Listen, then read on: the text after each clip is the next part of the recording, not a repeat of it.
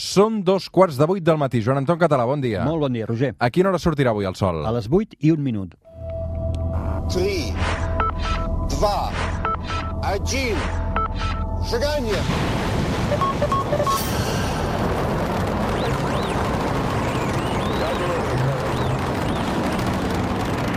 One small.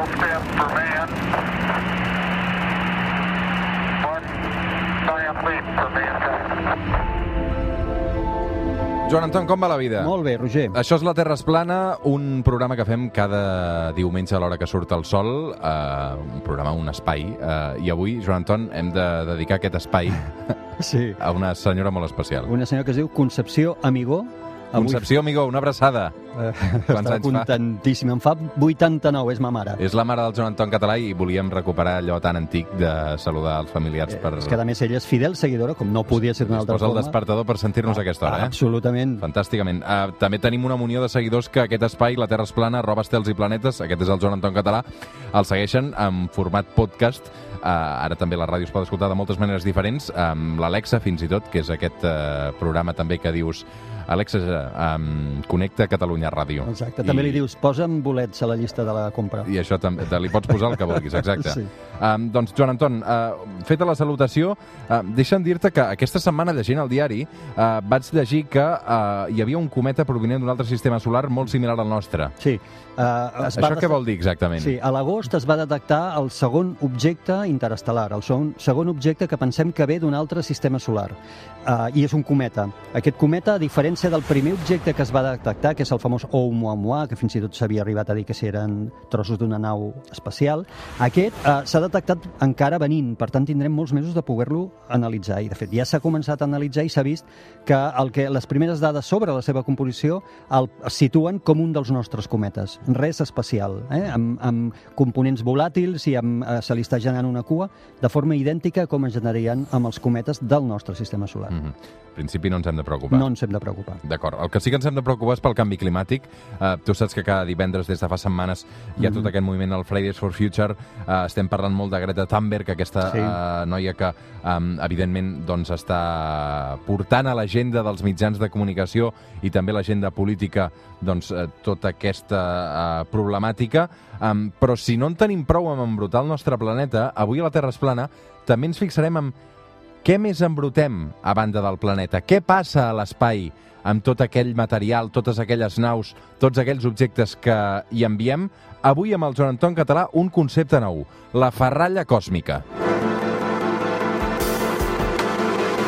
Ferralla còsmica, Joan Anton. Doncs és el que deies ben bé. Uh, totes les naus que abandonem, uh, algunes volgudament, les altres per accident, que abandonem o bé en altres mons, Mart, la Lluna, o bé, i aquest és el punt més perillós o més preocupant, en òrbita al voltant de la Terra. Tot això n'anomenem ferralla còsmica. Mm -hmm. Dius que eh, tot això ens passa des que vam començar a explorar l'espai. Exacte. Fixa't, jo vaig agafar la dada que és de gener d'aquest any, per tant ja deu haver avançat. Des de que vam començar l'exploració de l'espai, des del Sputnik 1, per entendre'ns, s'han enlairat 5.450 naus amb destins diversos. La major part d'ells són satèl·lits de comunicacions o meteorològics en òrbita eh, al voltant de la Terra. 5.450 naus des de, des de que vam començar. Imagina't, moltíssimes, la major part d'aquestes naus estan ja mortes, estan mig destrossades, estan abandonades, algunes d'elles eh, en, segueixen en òrbita, algunes d'elles abandonades a la superfície de la Lluna, de Mart o d'on sigui. Mm -hmm. Uh, per tant, no només hem embrutat l'espai, sinó que hem embrutat també altres mons. Sí. Què hem embrutat exactament? Mira, jo abans, permetem una puntualització. Així com quan parlo de l'òrbita de la Terra dic sí, estem embrutant, i és absolutament perillós i preocupant, quan parlo d'altres mons, eh, jo voldria ser curós eh, amb mi mateix quan jo utilitzo embrutant, perquè jo no ho considero tan embrutant. És un peatge que hem de pagar per l'exploració de l'espai. És dir, el deixar un robot abandonat a Mart, per exemple, em preguntes quins mons? Doncs mira, la Lluna, per exemple, eh? o Mart. Però, clar, el deixar un robot o una nau abandonada a la Lluna o a Mart és un, un peatge menor que hem de pagar per tot el que hem aconseguit fer d'exploració espacial. I després, si tu ho mires en perspectiva, eh, la quantitat de ferralla que estàs deixant en allà és insignificant. Eh? El que sí que és preocupant, i després en parlarem eh, més en detall, és de la ferralla en el nostre, a la nostra òrbita. Per exemple, dèiem, quins mons hem deixat ferralla? Et deia, la Lluna. Uh -huh. No? Pues, mira, a la Lluna, cada missió Apolo que hi va arribar, de les que hi van arribar, van abandonar la part, la part inferior del mòdul lunar. Aterraven en el mòdul lunar en un coet i llavors la part superior d'aquest mòdul lunar tornava a enlairar-se però abandonava l'estructura amb potes, fins i tot l'escala per la qual havien baixat els astronautes quedava abandonada en allà, n'hi ha sis a la Lluna en diferents llocs. Abandonaven els astronautes tot allò que podien per guanyar pes i, i poder recollir roques per endur-se'n a la Terra. Arribaven a abandonar fins i tot les botes en què havien caminat per la Lluna. Evidentment, eh, abandonaven eh, residus que tenien a, a la nau.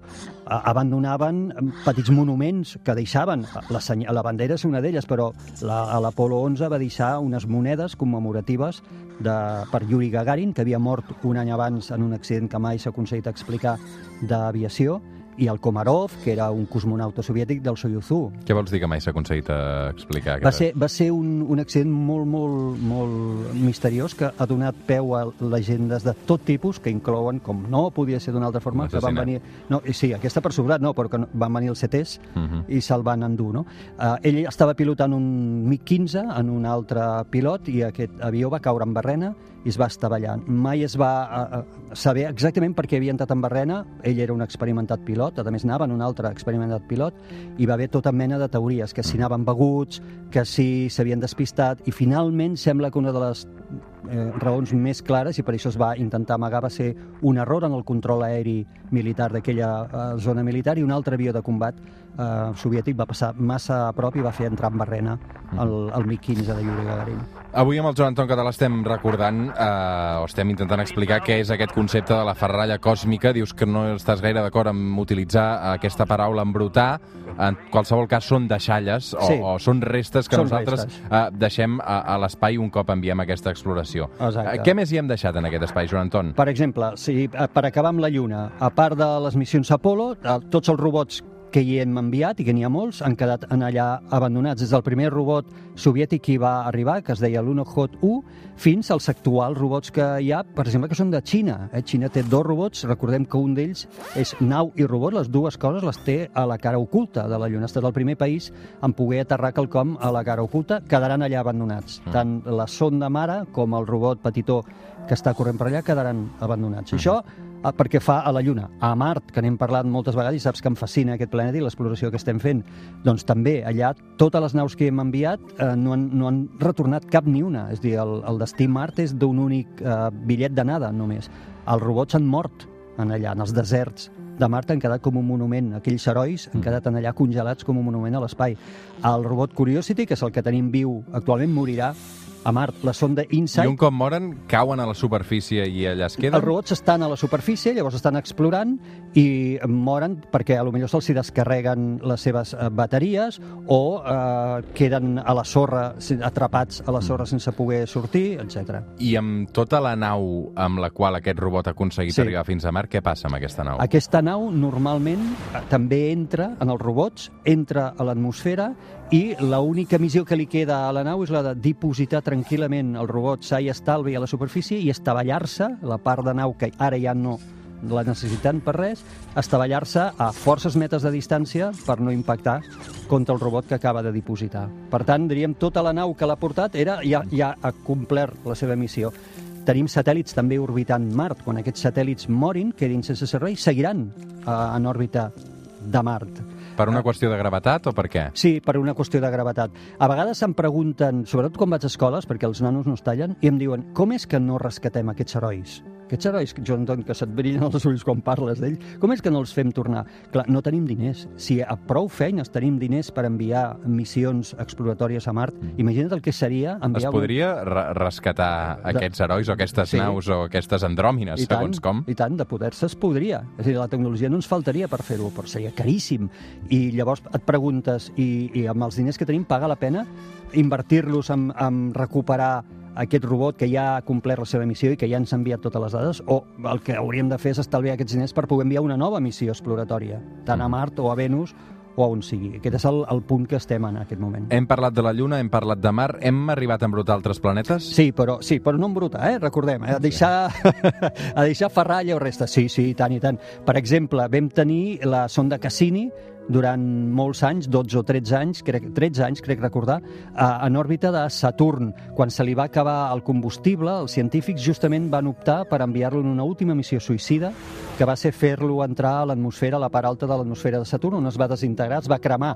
Això és una forma eh, elegant de fer desaparèixer una nau, perquè la cremes a l'atmosfera i allò pues, ja, no, ja no està embrutant res. El perill de no haver-ho fet hagués estat que hagués impactat contra alguns dels satèl·lits de Saturn i l'hagués contaminat de restes humans. I justament aquests són els satèl·lits que volem, eh, volem explorar en búsqueda de vida. Per tant, el que volien fer els científics és justament protegir aquests mons eh, i, no, i fer que la ferralla humana no hi anés a parar. I van decidir sacrificar la, eh, la, la Cassini. Tenim la sonda Rosetta de l'Agència Espacial Europea, que també va fer una maniobra suïcida al final de la seva vida contra, estavellant-se contra el cometa que estava explorant, el 67P.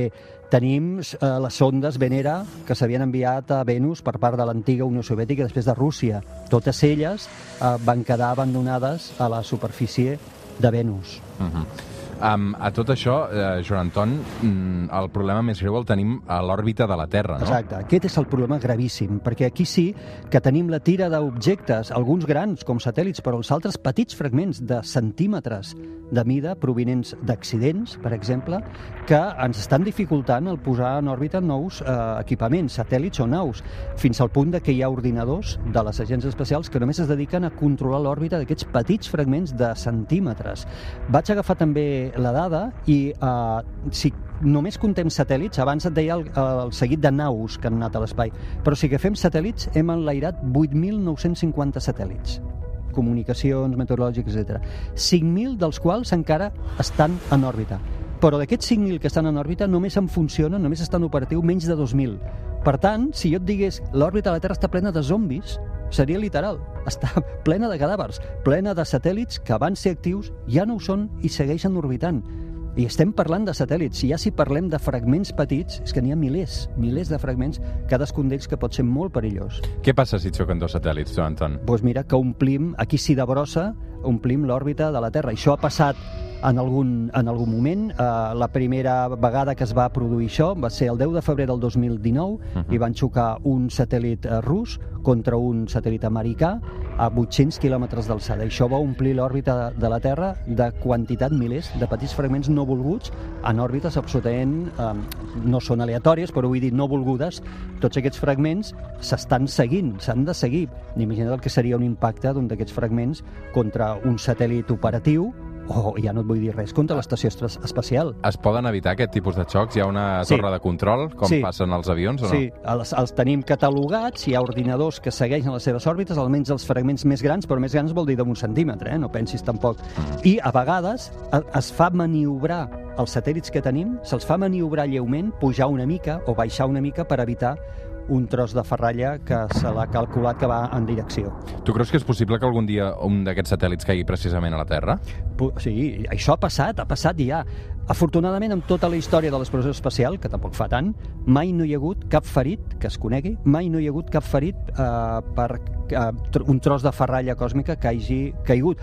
Tot i això, han caigut eh, ferralles notables, com quan va caure l'Skylab, el famós Skylab americà, que era una estació orbital dels americans l'any 1979, que descontroladament va caure, va caure sobre Austràlia, afortunadament sobre zones amb molt, molt poc poblades, i això, com a anècdota, crec que n'hem parlat alguna vegada en el programa, va fer que Austràlia reclamés als Estats Units una multa de 400 dòlars per embrutar per llançar ferralla, el que deia la legislació australiana és que qui llançava brossa de la carretera cap al camp havia de pagar una multa de 400 dòlars, li van reclamar als Estats Units la multa de 400 dòlars. Mm. Eh, per què dius que l'Estació Espacial Internacional està en perill?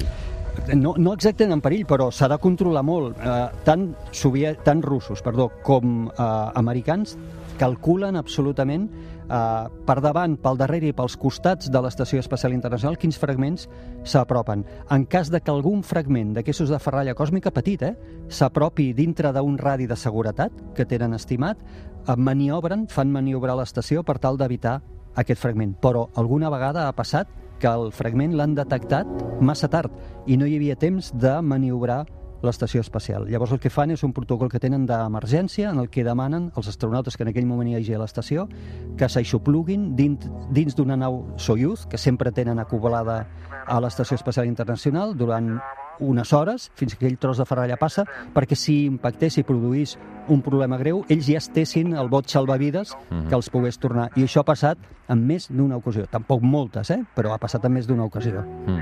Uh, tot això sabem que, evidentment, ara no s'hi posa remei perquè no hi ha diners i perquè la prioritat és una altra. Uh, tu creus que aquest dia, que arribarà un dia en què el problema serà tan gran que, que s'hi haurà de posar remei aquí? Sí, sí, i hi ha països que, per exemple, Japó està investigant amb, amb recollir, amb com recolliria naus que podrien recollir aquests fragments i també em consta que hi ha iniciatives privades que comencen a plantejar-se el poder oferir serveis que haurem de pagar tots. Serà com si paguessis les taxes d'escombraries? Doncs el mateix, haurem de pagar una taxa a companyies privades que hauran de netejar eh, la nostra òrbita de fragments perquè puguem seguir tenint satèl·lits GPS o satèl·lits de comunicacions o enviar naus a l'espai. Això arribarà. Joan Anton, tu que estàs en contacte també amb, nens i gent jove i et toca anar sovint a escoles a fer xerrades, uh, creus que hi ha una consciència diferent de les generacions que venen uh, respecte, respecte no només al canvi climàtic, sinó quan tu els expliques aquesta xerrada que ens estàs fent avui al suplement, ho trasllades a l'escola, què? Sí, afortunadament són molt més sensibles. Uh, jo sempre també ho dic, jo a mi mai no em van educar a la meva època, jo no sabia el que era la paraula solidaritat, per exemple, no sabia el que era la paraula ecologisme, ells avui ho saben. Són molt sensibles en aquest tema, molt.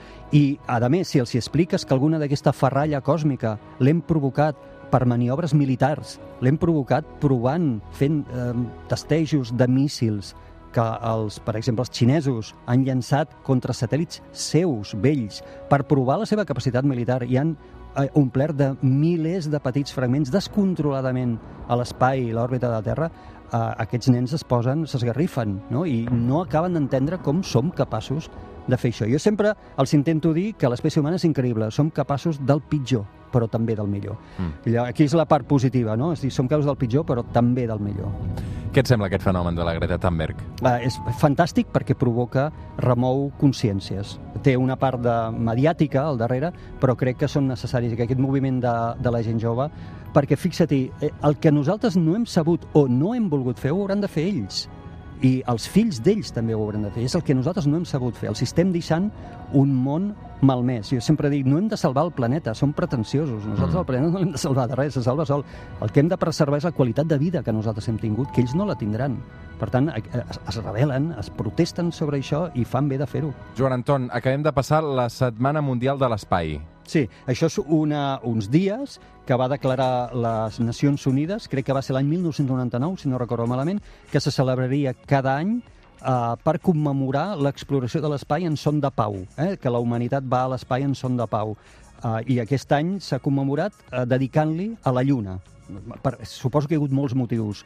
Eh, un motiu és que, com saps, hem fet el 50 aniversari de l'arribada de l'home a la Lluna, però també perquè la Lluna s'està posicionant com la, el, el, un altre el retorn, eh, el retorn que hem de fer a la Lluna, i també com el punt del qual saltarem per anar a altres llocs, per exemple, per anar a Mart, perquè és molt més barat enlairar un coet, perquè hi ha menys gravetat des de la Lluna que fer-ho des de la Terra. Llavors, aquest any De fet, això és una de les coses que passa precisament a, a Exacte. Astral, aquesta Ah, pel·lícula exacte. que comentàvem la setmana passada del Brad Pitt, que ha causat doncs, algunes crítiques diverses, però Sí. eh, precisament per arribar a Mart primer fem parada a la Lluna i ja es troba en una Lluna que allò està dividit entre Rússia, entre Estats Units, Sí, hi ha sí. pirates, hi ha de tot Exacte, allà. ja, allò ja allà l'hem destrossat. Ja. ja hem Ja, fet ja, el mateix que fem aquí, Doncs ho, faré, exacte. ho hem fet allà. Joan Anton, què hi passarà aquesta setmana al cel? Doncs mira, tenim, avui justament tenim lluna plena i és bon moment per fer fotografia de la lluna en paisatges. En el moment en què surti la lluna, que sortirà cap a dos quarts de vuit del vespre, enganxar-la sortint en un bon skyline de ciutat o en, una, en un paisatge de, de muntanya. Mm, Fantàstic, Joan Anton, una abraçada ben Gràcies forta. igualment. Fem una pausa i tornem al suplement. Fins ara.